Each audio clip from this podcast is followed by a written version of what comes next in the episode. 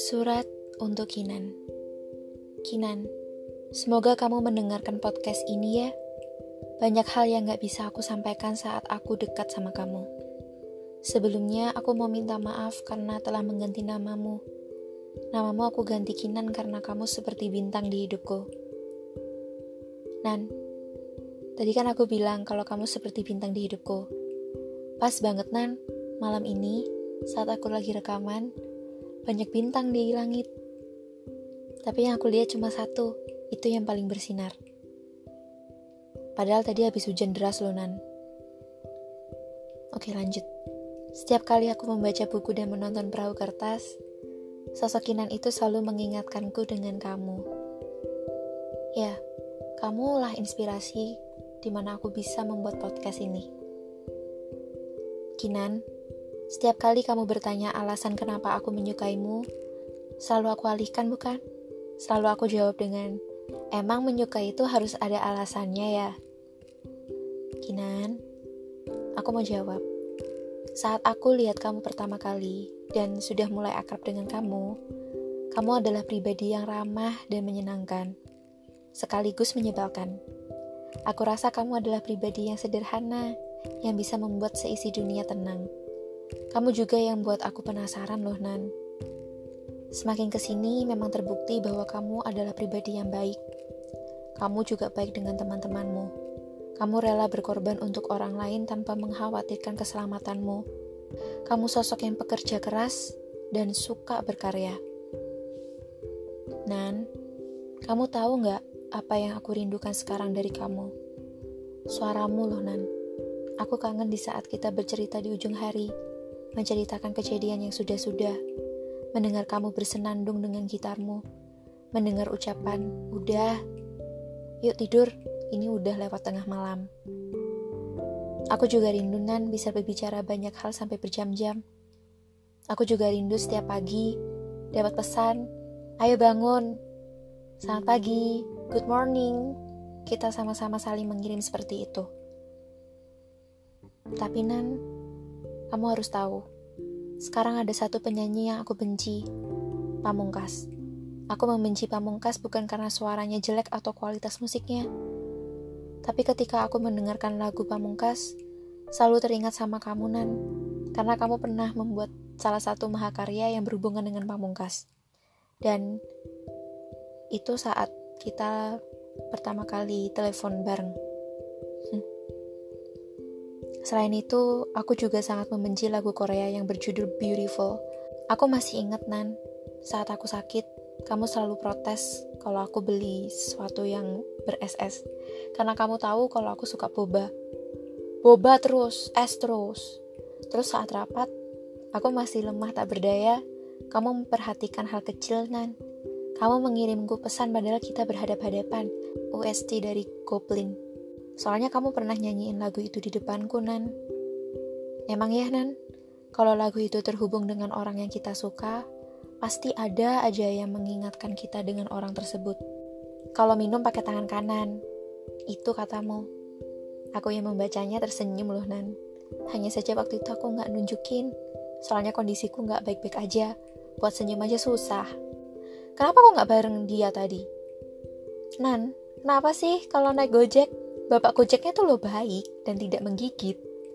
Aku juga kangen saat kamu khawatir kalau aku pergi rapat naik Gojek pas malam-malam.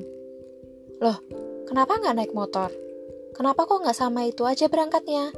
Aku sempat terbuai sama kamu, Nan. Fun fact tentang aku. Kalau aku terlanjur jatuh cinta kepada seseorang, aku bakalan jatuh sejatuh-jatuhnya. Itu bodoh banget sih, Nan. Saking bodohnya aku, aku sampai terbuai. Aku buta, Nan. Enggak sih, aku nggak buta. Selama menjalani PDKT itu aku sadar betul bahwa aku bukan satu-satunya wanita yang sedang dekat sama kamu, Nan. Jujur saja, aku pekaan. Aku sensitif dan perasa. Sudah lama aku menebak-nebak bahwa kamu sedang chattingan sama cewek lain, teleponan sama cewek lain, dan perhatian sama cewek lain. Aku paham itu. Cuma aku mau melanjutkan perjuanganku Aku mengabaikan feeling tersebut dan menganggap bahwa halah itu semua hanya perasaanku doang. Sampai akhirnya apa yang aku rasakan itu ternyata benar. Aku dapat informasi itu awalnya dari Instagram storymu, Nan. Padahal sebelum itu, aku memintamu untuk datang ke tempat rapat, padahal kamu sedang tidak rapat saat itu. Hujan lagi, dan kamu hujan-hujan. Kamu datang, Nan. Aku senang kamu datang. Tapi malamnya, malah begini. Selain aku tahu sendiri, aku tahu dari teman-temanmu, Nan. Wah, sakit sekali saat itu. Tapi aneh nan, kenapa ketika aku membicarakan cerita ini, aku tersenyum ya? Kok aku tidak merasakan sakit? Ada hal yang aku sadari saat ini. Saat itu, aku sakit hati karena ekspektasiku doang. Aku terlalu egois bahwa aku adalah wanita yang didekatimu. Wanita satu-satunya di hatimu. Aku berekspektasi kamu membalas perasaanku. Ya, semua ekspektasi jahat itu yang membuatku sakit. Jadi, bukan salah kamu sebenarnya. Ya ini salahku sendiri. Ngapain aku meletakkan ekspektasi kepadamu? Ya udah, harus aku tanggung sendirilah. Aku memutuskan untuk bertanya kebenaran itu langsung sama kamu. Dan kamu menjawab bahwa itu benar. Wow, seketika hatiku hancur. Kamu tahu siapa orangnya? Tanyamu waktu itu. Aku nggak tahu, dan aku nggak mau tahu. Aku menjawab gitu karena kalau aku cari tahu, malah menambah luka di hatiku. Buat apa aku mengorek-ngorek masa lalumu? Hal itu yang buat aku sakit nanti. Sekaligus juga menyakiti hatimu. By the way, aku sekarang tahu siapa wanita itu. Waktu menjawab semuanya, Nan. Meskipun aku nggak mencari tahu, tetap aja ada jawabannya. Ternyata selama ini yang aku kira semua adalah pertanda, namun itu semua pikiranku saja. Harapanku buat sama kamu hancur. Jujur nih ya, kalau misal aku berhubungan sama kamu, aku gak mau menyia-nyiakan hubungan tersebut. Sejak malam itu, sejak kejadian itu, janji yang kubuat sendiri, rancangan rencana sama kamu, dan harapan-harapan itu menguap semua. Malam itu adalah terakhir kalinya aku berjanji sama diri sendiri untuk merelakan kamu pergi. Janji terakhir sama diri sendiri untuk tidak menaruh apa pun ke kamu lagi, apalagi percaya. Aku memulai overthinking nan sama kamu. Jangan-jangan kamu memberi lampu hijau ini karena kasihan sama aku ya? Karena kamu tahu, perjuangan cintaku dulu, yang 4 tahun itu. Apa jangan-jangan karena aku mengungkapkan perasaanku kepadamu. Cuma harusnya Kinan, kamu bilang kalau kamu tuh lagi PDKT sama cewek lain.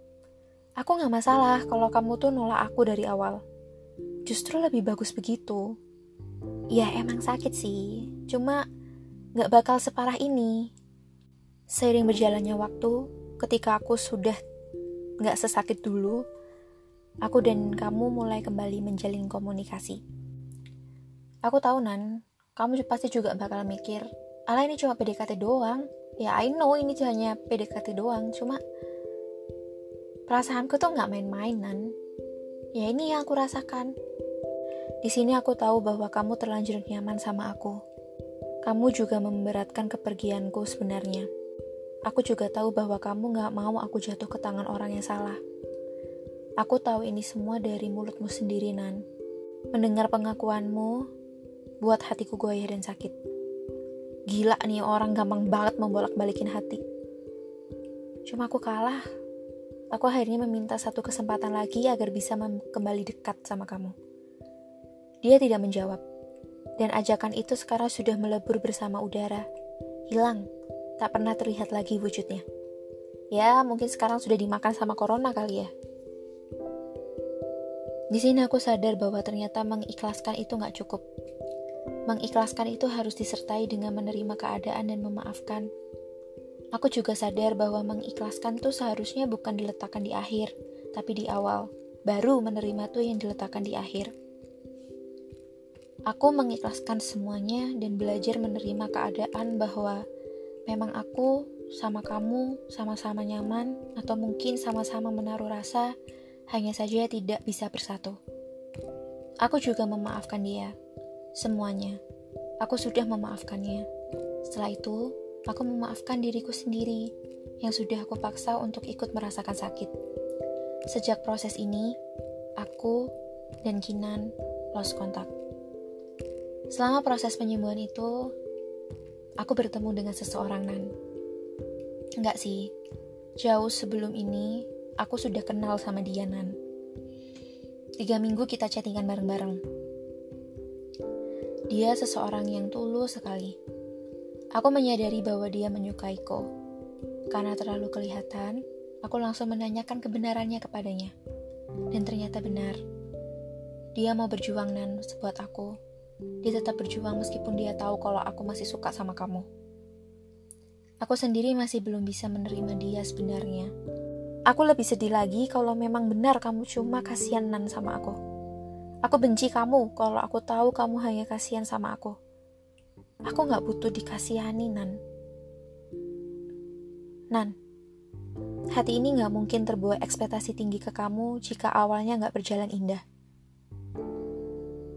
Karena dari awal hati kamu gak di sini bersama aku, aku memilih untuk pergi dari kamu, Nan. Aku menyudahi perjuanganku. Aku mengalah. Aku pergi dengan baik-baik. Aku pamit sama kamu. Aku memaksamu untuk ngerelain kepergianku, Nan. Soalnya aku benar-benar gak bisa berkomitmen dengan siapa pun untuk saat ini. Karena, nah, istilah kerennya sih, Aku masih belum bisa membuka hati untuk orang lain kecuali untuk Kinan. Aku meminta beberapa hari agar aku memberikan keputusanku. Selama itu aku benar-benar dilema. Rasanya aku ingin kabur, ingin punya kantong Doraemon yang punya pintu ke mana saja. Bisa kabur tanpa ketahuan. Selama lima hari aku menggantungkan perasaan orang. Ya ampun, jahat sekali. Setelah aku berpikir dan menimbang-nimbang, karena aku takut aku juga PHP-in dia, aku memutuskan untuk tidak menerimanya. Kalau kamu mendengarkan ini untuk orang yang tulus sama aku, aku minta maaf sekali lagi dan terima kasih sudah pernah tulus sama aku. Aku bersyukur bisa mengenal kamu. Andai waktu itu aku lebih mengenal kamu lebih dulu. Sayang sekali alurnya gak gitu. Saat itu pula aku juga menghubungi Kinan dan bilang sesuatu kepadanya. Dulu, Nan, kamu masih inget gak? Dulu kamu pernah berpesan bahwa kalau aku bertemu dengan orang yang pas untukku atau aku menyukai seseorang, aku harus bilang kepadamu. And I prove it. Kinan, kamu masih ingat kan kata-katamu yang bilang, kalau kamu sudah menemukan orang yang pas sama kamu, kasih tahu aku. Aku mau bilang, ada orang yang tulus buat aku, dia mau berjuang untuk aku, aku mau mempertimbangkan dia pesanku saat itu. Alhamdulillah, semoga dia bisa jadi orang yang sayang banget sama kamu. Walaupun aku belum bisa milikin kamu, tapi aku tetap jagain kamu. Itu jawabanmu. Dan selesai. Setelah pembicaraan itu kita tidak pernah berkomunikasi lagi kan, Nan? Sejujurnya, gak gitu, Nan. Aku justru menolak dia, Nan. Aku sengaja bilang begitu agar aku bisa benar-benar pergi benar-benar pergi dari kamu, supaya bayang-bayangmu ini juga pergi dari aku. Biar hati ini gak menunggu kamu dan mengharapkan kamu. Membaca pesanmu yang terakhir membuat hatiku lukanan. Tapi ya ini emang konsekuensi yang harus aku terima. Aku gak tahu apakah chatku itu juga menyakiti kamu. Tapi kalau iya aku minta maaf. Kinan, setelah aku bilang gitu ke kamu, aku bisa sembuh, Nan. Aku bisa menerima semuanya. Aku bisa menerima kepergian orang yang tulus itu, orang yang aku sakitin hatinya. Aku juga udah bisa menerima kepergian kamu. Dan aku juga sudah bisa memaafkan semua perlakuanmu ke aku. Bahkan sebelum kamu mengucapkan minal aizin wal faizin, aku sudah memaafkanmu lebih dulu. Aku juga sudah berhasil memaafkan diriku sendiri. Alhasil, sinar senja tetap ada sampai sekarang. Awalnya aku gedek sama kamu, Nan. Tiba-tiba muncul, tiba-tiba hadir gitu aja. Memulai pembicaraan dan kita memulai pembicaraan dan ketika aku membalas, kamu pergi gitu aja. Pergi sesukamu. Kamu datang dan pergi kayak liburan. Membiarkan chatku seperti koran yang hanya dibaca saja, tidak ada tanggapan. Kalau kamu baca Twitterku, hampir semua isinya itu kamu loh, Nan. Oh iya sih, kamu nggak tahu nama Twitterku. Lama-lama aku sudah terbiasa dengan chatku yang nggak pernah kamu balas. Ya, karena aku bukan prioritasmu sih. Jadi aku udah biasa dan tidak pernah mengharapkan chatku terbalas olehmu. Maka dari itu, aku pernah tidak membalas chatmu selama lima hari. Itu di akhir voice note-mu. Nan, dulu saat kita PDKT memang aku bilang ke kamu untuk datang ke rumah, kenalan sama orang tuaku karena mamaku berpesan itu ke kamu. Mama bilang, kalau dia serius sama kamu, Ajak dia ke rumah. Kenalin sama mama dan papa. Kamu masih ingat, Nan, sama pesan itu? Terus, kamu mau datang ke sini tujuanmu apa, Nan? Kita kan sudah tidak sedekat dulu. Kita tidak ada proses dekat lagi. Aku juga gak tahu kamu tuh sekarang tuh gimana. Kamu juga gak tahu aku tuh sekarang gimana. Dan mungkin sekarang kamu lagi PDKT dengan cewek lain. I do know. Nan, ada satu hal yang menggangguku, Nan. Beberapa minggu yang lalu, saat kamu meminta maaf di hari Lebaran, saat isinya tentang minal aizin itu saling bermaaf-maafan, aku terkejut sekali saat kamu ingin menepati janjimu untuk datang ke rumah. Aku sudah mengakhiri semuanya sebelum kita memulai. Emang dari awal tidak pernah ada kata kita kan? Ah, aku rasa kamu datang ke rumah hanya untuk silaturahmi kan? Istilahnya kayak main-main gitu kan? Bener nggak Nan? Atau ada tujuan lain? Aku mau menanyakan itu nan sebenarnya. Hanya saja aku takut aku kegeeran. Jangan buat aku kegeeran dong nan. Kamu udah sering banget buat aku kegeeran. Kinan, sudah cukup nan. Jangan buat aku menebak lagi. Menjawab teka-tekimu tuh rumit nan. Aku menyerah. Jangan buat aku bingung juga nan. Kenapa sih kamu tuh hobi banget buat aku bingung? Kinan, kamu harus tahu bahwa sampai detik ini, sampai saat kamu mendengarkan podcast ini, aku masih sayang dan suka sama kamu. Perasaan itu gak pernah ada habisnya. Cuma aku sadar diri bahwa I'm not the person kan. Seenggaknya, biarkan aku mencintai kamu walau sebatas punggungmu saja, Nan. Biarkan aku memandangimu dari jauh dan memberikan doa yang terbaik untukmu. Biarkan kamu tetap menjadi bintang di langit yang susah sekali aku gapai, Nan. Biarkan aku tetap memiliki satu rekaman suaramu agar bisa aku putar ketika aku merindukanmu. Biarkan aku memandangimu ya, Nan. Kalaupun nanti kamu sudah memiliki kekasih, aku mungkin masih suka sama kamu, cuma aku gak bisa berbuat banyak. Yang aku bisa hanyalah berdoa demi kebaikanmu dan dia. Mencintai seseorang itu gak melulu perihal memiliki. Kalau nanti kamu sudah punya pasangan, aku yakin aku bakalan tersenyum kok Nan. Soalnya kamu berhasil menemukan kebahagiaanmu. Seenggaknya aku gak lupa untuk jadi dewasa saat aku sedang jatuh cinta. Kinan, episode kali ini sengaja aku buat untukmu. Aku takut Nan sebenarnya untuk mengupload ini Aku takut kamu marah. Aku takut kamu berpikir yang aneh-aneh. Aku takut juga aku mengusik kedamaianmu. Tapi bodo amat deh. Aku akan tanggung resikonya.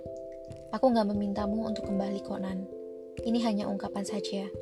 Aku hanya ingin kamu tahu yang sebenarnya. Sekarang kalau misalnya kamu mau pergi juga gak apa-apa. Kamu gak menanggapi podcast ini juga silahkan. Aku gak mengharapkan apa pun dari kamu sekarang, Nan. Yang penting aku sudah mengungkapkannya semuanya.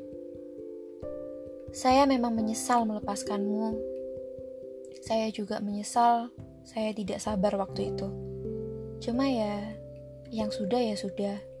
Gak ada jawaban juga kan dari masa lalu. Berarti ya biarlah berlalu. Udah ya Nan, aku sudahi 1879 kata yang membicarakan tentang kamu. Mungkin Nggak mungkin sih. Ini adalah episode terakhir aku membahas kamu. Aku nggak mau mengusik kedamaianmu dan kedamaianku juga. Mungkin setelah episode ini up, sudah tidak ada lagi cerita Kinan yang aku kagumi. Sudah tidak ada episode-episode terbaru tentang Kinan. Kinan, Kinan, bintangku. Ini aku sambil ngeliatin bintang lo, Nan. Sehat-sehat ya, Kinan. Setiap kali kamu ngecat aku tuh kayak mimpi, Nan. Tolong, kalau misalnya kamu sudah mendengarkan podcast ini, tolong kabari aku ya, Nan. Aku butuh penjelasanmu tentang alasan kenapa kamu pengen ke rumah. Salam, Sinar Senja. Sampai jumpa lagi ya, Nan.